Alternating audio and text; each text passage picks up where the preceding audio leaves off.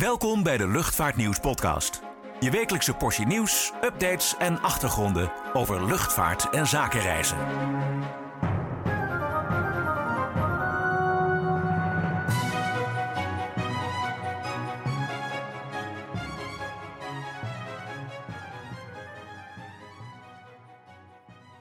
Hallo en welkom bij de Luchtvaartnieuws podcast. De vakanties zitten er weer op, dus vanaf nu zijn we weer een stuk regelmatiger te horen. Toch Niek? Ja, daar ga ik wel vanuit, ja. Mijn reis naar Ecuador zit erop en jij bent even naar Duitsland geweest. Dus uh, wat mij betreft kunnen we er tegenaan. Was het trouwens in Duitsland qua coronamaatregelen? Ja, prima te doen hoor. Uh, je moet uh, officieel aan de grens kunnen aantonen of je gevaccineerd, getest of genezen bent. De zogeheten 3G's. Uh, maar dat wordt niet echt gecontroleerd. Uh, wel zie je in alle winkels nog mondkapjes. En uh, bij evenementen en in de horeca moet je een coronabewijs kunnen laten zien. Dus ook als je incheckt in je hotel. en als je niet gevaccineerd of genezen bent, dan moet je ook nog om de vier dagen een antigeentest laten doen. En de uitslag daarvan aan de receptie tonen of mailen. dat is even een gedoe, maar gelukkig zijn coronatests nog steeds gratis in Duitsland. Oké, nou ja, fijn dat je weer terug bent in ieder geval. Zullen we even door het nieuws lopen? Ja, laten we dat doen. Uh, ja, laten we even beginnen met uh, een sappig verhaal uh, over vlees aan boord. Onlangs hadden we de primeur dat KLM achter de schermen studeert op het schrappen van chicken or beef aan boord van alle vluchten. Een spraakmakend verhaal dat overigens door de Telegraaf helaas zonder bronvermelding werd overgenomen en dat later nog door een bepaalde website als foutieve berichtgeving werd bestempeld. Maar goed, dat terzijde. Um, waar het om gaat is dat KLM er echt mee bezig is achter de schermen om vleesvrij te gaan. Al is het de vraag of dat ook echt gaat gebeuren. Ja, en jij denkt dat het niet van gaat komen? Nee, kijk, ik ben een, echt vleesliefhebber. een maaltijd zonder vlees is geen maaltijd, zeg ik altijd. Alhoewel mijn vrouw me ook toch wel enthousiast heeft weten te maken voor vleesvervangers. Daar heb je hele goede tussen zitten. Maar goed, echt alleen sla, wortels en andere konijnen voor aan boord. Nee, dat zie ik niet gauw gebeuren. Zeker als je bedenkt dat op sommige routes echte carnivoren zitten. Richting de zuidelijke staten van Amerika en blijkbaar ook naar Afrika. Ja, die moet je niet van boord willen jagen. ik bedoel, de overstap naar een concurrent is zo gemaakt. Ja, Afrika noem je. Er was deze week nog ophef over een zogenaamde vleesactivist op een vlucht in Ghana. Ja, klopt. Uh, schijnbaar was er een meneer zo boos geworden over het plan dat hij uh, flyers en een spandoek had laten drukken om tegen het voornemen te protesteren. Uh, dat mag op zich, maar dan moet je die niet aan boord willen verspreiden of ophangen als het vliegtuig op het punt staat om te vertrekken. Ja, die meneer is dus van de vlucht gezet.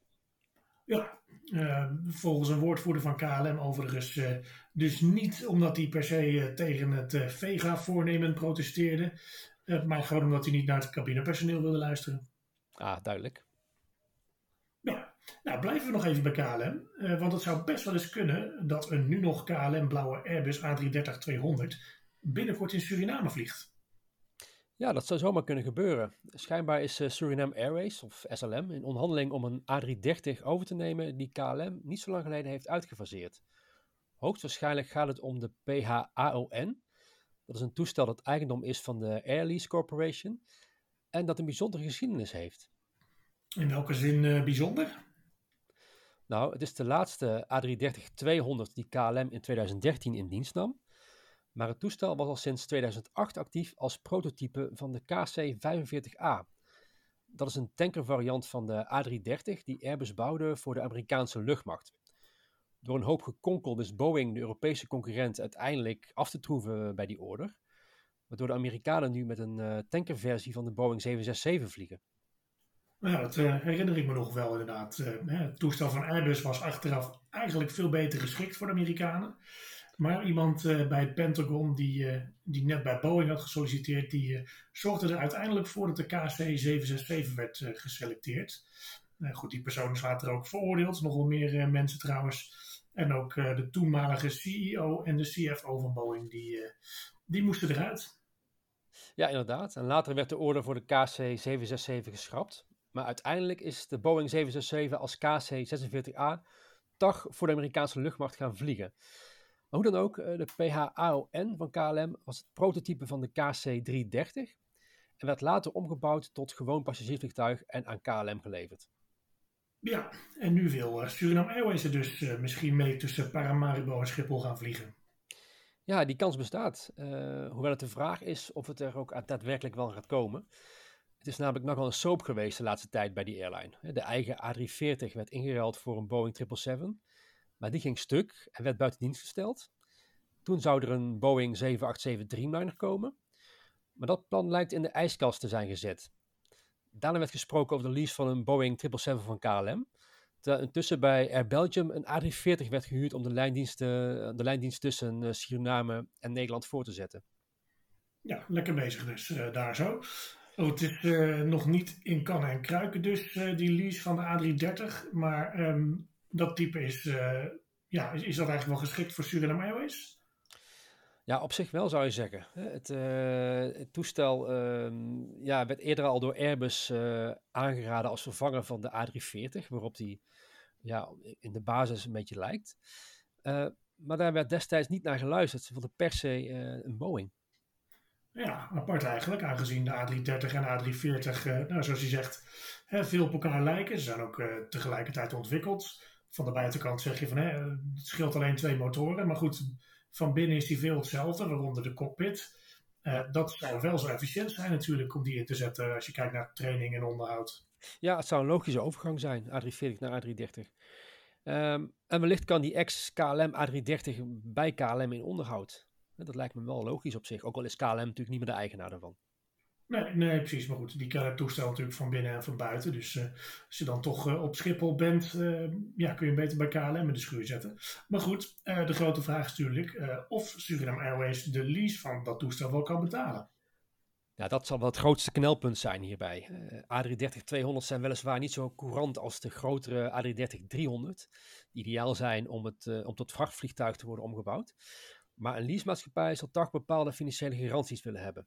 Zeker bij een luchtvaartmaatschappij als Suriname Airways, uh, dat de bodem van de kas in zicht heeft uh, zien komen, zal het wel lastig zijn. Ja, dat denk ik ook. Uh, maar goed, even afwachten dus. Inderdaad, ja. Dan ja, zijn we op Schiphol, tenminste ons kantoor is op Schiphol, maar Schiphol zelf als organisatie, um, ze hebben een beetje oneenigheid.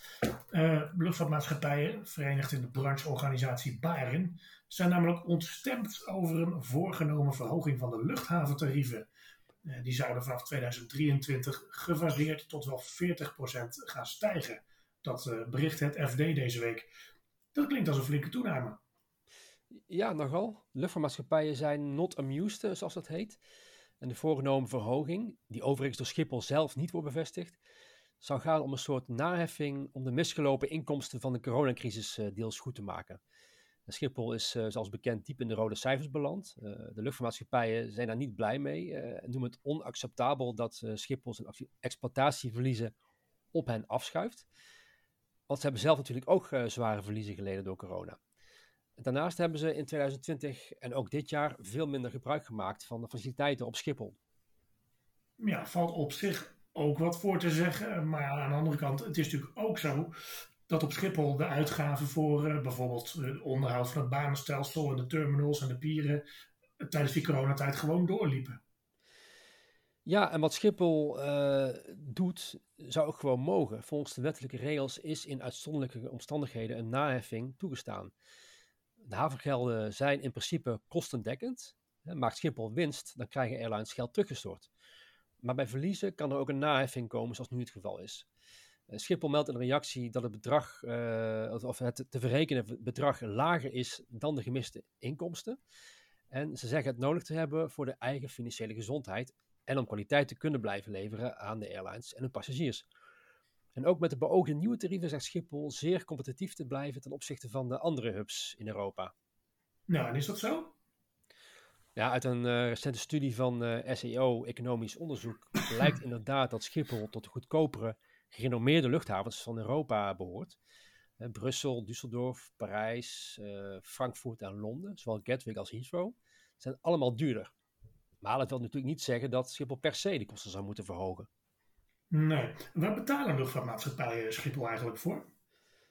Ja, naast het start- en landingstarief betalen ze de haventarieven, via de haventarieven ook voor de zogeheten security en passagiersservices. En dat zijn dus de beveiligers en de terminalfaciliteiten. Met name de kosten hiervan stijgen door de investeringen die Schiphol doet op allerlei gebieden. bijvoorbeeld is de recente voltooide, recent voltooide inrichting van Terminal 1 en de bouw van een nieuwe pier. Ja, en juist om de kosten van de bouw van die vertraagde pier is veel te doen. Ja, de bouw daarvan heeft flinke vertraging opgelopen. Schiphol zei vorige maand zelfs niet te weten wanneer die pier open gaat. En in ieder geval vallen de kosten een stuk hoger uit dan begroot. De luchtvaartmaatschappijen zijn bang dat ze hiervoor de rekening krijgen gepresenteerd. Uh, Schiphol meldt aan ons overigens dat zodra er wordt afgeschreven op nieuwbouw, de afschrijving ter waarde van het gehele bedrag wordt verrekend in de havengelden. Dat is overigens bij de pier nog niet aan de orde. Ja, en hoe gaat het nu verder? Er is op dit moment nog uh, niets officieel vastgelegd wat betreft de tarieven. Luchtvaartmaatschappijen kunnen nog tot medio oktober hun zienswijze indienen. Uh, op 31 oktober moeten ze definitief vastgesteld zijn. Nou, voordat het zover is, zal er nog heel wat gepraat worden. Want de Barin overweegt uh, toezichthouder ACM in te schakelen en ook juridische stappen worden niet uitgesloten. Wordt vervolgd dus. Word nu abonnee en ontvang 12 keer per jaar het Luchtvaartnieuws magazine. En onbeperkt toegang tot nieuws en achtergronden op luchtvaartnieuws.nl en zakenreisnieuws.nl. Ga voor meer informatie naar luchtvaartnieuws.nl/slash abonneren. Welkom terug. We gaan door naar Limburg. Uh, want het provinciebestuur ziet sluiting van Maastricht Hagen Airport als een reële mogelijkheid. Ja, inderdaad. VVD-gedeputeerde uh, Stefan Satijn liet vorige week in een brief aan de provinciale staten weten dat hij de kosten en baten van de luchthaven laat onderzoeken.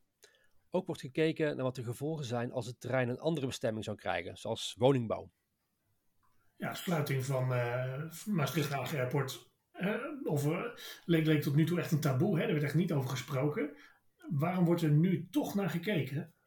Ja, de provincie Limburg is niet alleen concessieverlener en aandeelhouder van de luchthaven, maar ook subsidieverlener. In het geval wil dat de start- en landingsbaan volgend jaar ingrijpend uh, gerenoveerd moet worden. Dat kost miljoenen euro's. En de provincie wil door middel van het onderzoek weten of het dat geld waard is. De uitkomst van het onderzoek wordt in december verwacht. En de provincie neemt in mei 2022 een besluit over de toekomst van Maastricht AG Airport. Ja, stel dat dat echt gaat gebeuren, wat zouden de gevolgen zijn van de sluiting van de luchthaven? Ja, dat Schiphol als enige vrachtluchthaven in Nederland overblijft. Het vrachtvervoer is momenteel behoorlijk booming en Maastricht AG Airport profiteert daarvan mee. Vorig jaar boekte Beek zelfs als enige Nederlandse luchthaven winst.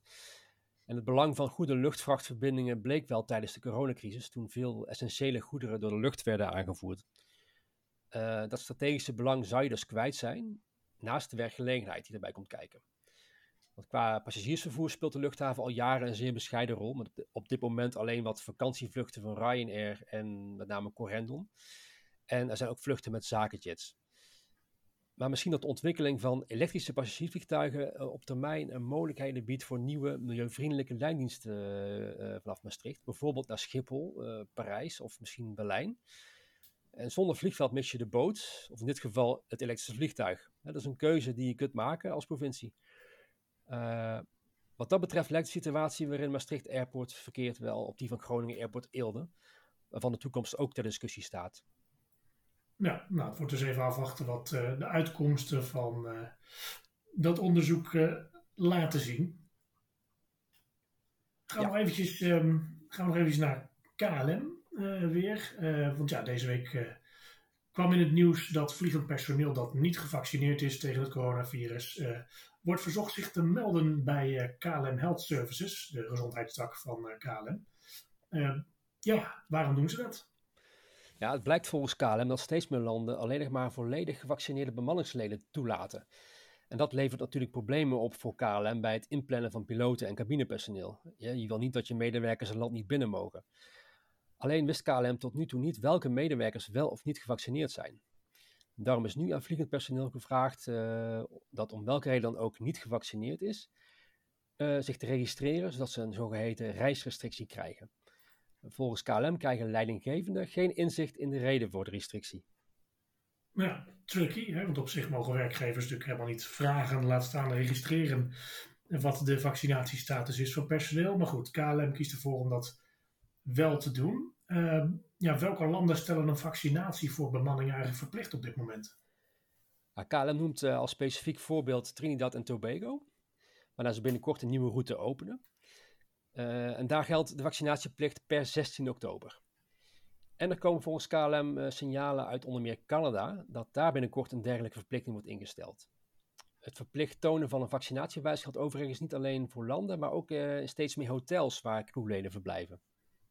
Ja, ik hoorde zoiets inderdaad. Ja, dat, uh, bijvoorbeeld in Bangkok hebben ze een nieuw crewhotel en uh, daar is het uh, verplicht om gevaccineerd te zijn. En blijkbaar is er geen alternatief voor te vinden. Maar goed, dat heeft natuurlijk ook wel consequenties voor, de, voor het personeel dat wordt ingezet richting Zuidoost-Azië. Want Bangkok is natuurlijk echt een draaischijf daarvoor voor, voor personeel. Ja. Ja, maar goed. Um, um, ja, een bijkomende complicatie voor KLM is natuurlijk ook dat hè, ongevaccineerde crewleden niet uh, kunnen worden ingezet uh, op vluchten naar bestemmingen die over landen heen vliegen, waar een vaccinatieverplichting uh, geldt. Ja, precies. Op die manier willen ze voorkomen dat in het geval een vliegtuig onverwacht moet uitwijken, er problemen ontstaan. En KLM zegt de crewleden met een reisrestrictie in ieder geval voorlopig in te roosteren op bestemmingen waar geen vaccinatieplicht van kracht is. Maar ja, naarmate meer landen inreiseisen gaan stellen, kan het volgens KLM leiden tot, uh, tot grote operationele problemen. Nou ja, nou goed, KLM herhaalt hè, uh, steeds weer dat een vaccinatieplicht in elk geval niet aan de orde is. Hè. Uh, dat is ook verboden in Nederland. Goed, je ziet natuurlijk wel dat, dat andere maatschappijen in Azië, onder andere in Noord-Amerika, maar ook Wizz Air in Europa, dat echt wel, wel verplicht en zelfs met ontslag dreigen. Maar goed, dat is dus nu niet, niet aan de orde bij KLM. Nee, zeker niet. Nou, dan uh, ja, ons laatste onderwerp. Een beetje treurig nieuws. Uh, Lufthansa heeft deze week de laatste A380 uitgezwaard. Niet formeel, hè. officieel uh, zijn ze nog onderdeel van de vloot. Maar het, het laatste toestel vertrok van thuisbasis Frankfurt Airport naar Teruel in Spanje. Om daar ja, voor onbekende termijn te worden opgeslagen. Ja, zonde hè? Ja, vind ik van wel. Hè. Het zijn natuurlijk toestellen van 10, 11 jaar oud die nu worden uitgefaseerd vanwege de coronacrisis. Uh, aan de andere kant worden er ook weer oude Boeing 747's uh, teruggehaald van Twente. Het is uh, een apart verhaal. Ja, wel uh, bijzonder eigenlijk, ja. Aan de andere kant zal Lufthansa wel een kostenbatenanalyse hebben losgelaten op de A380's.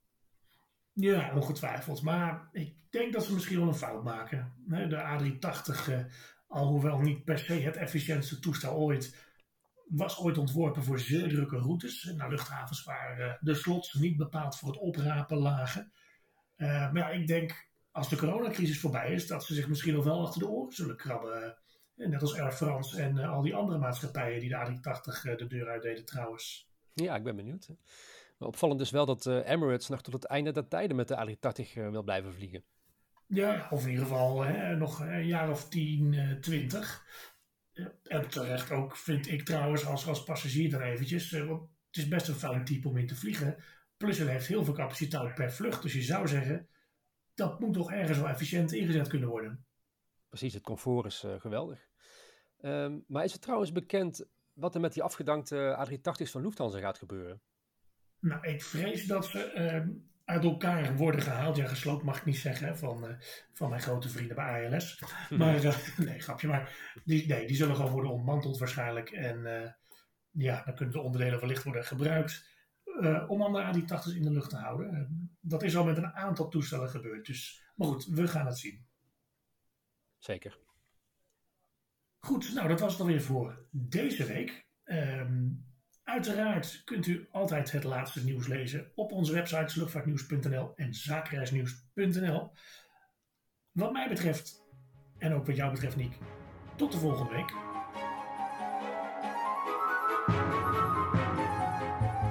Bedankt voor het luisteren naar de Luchtvaartnieuws podcast. Voor opmerkingen, vragen of suggesties, mail ons redactie@luchtvaartnieuws.nl.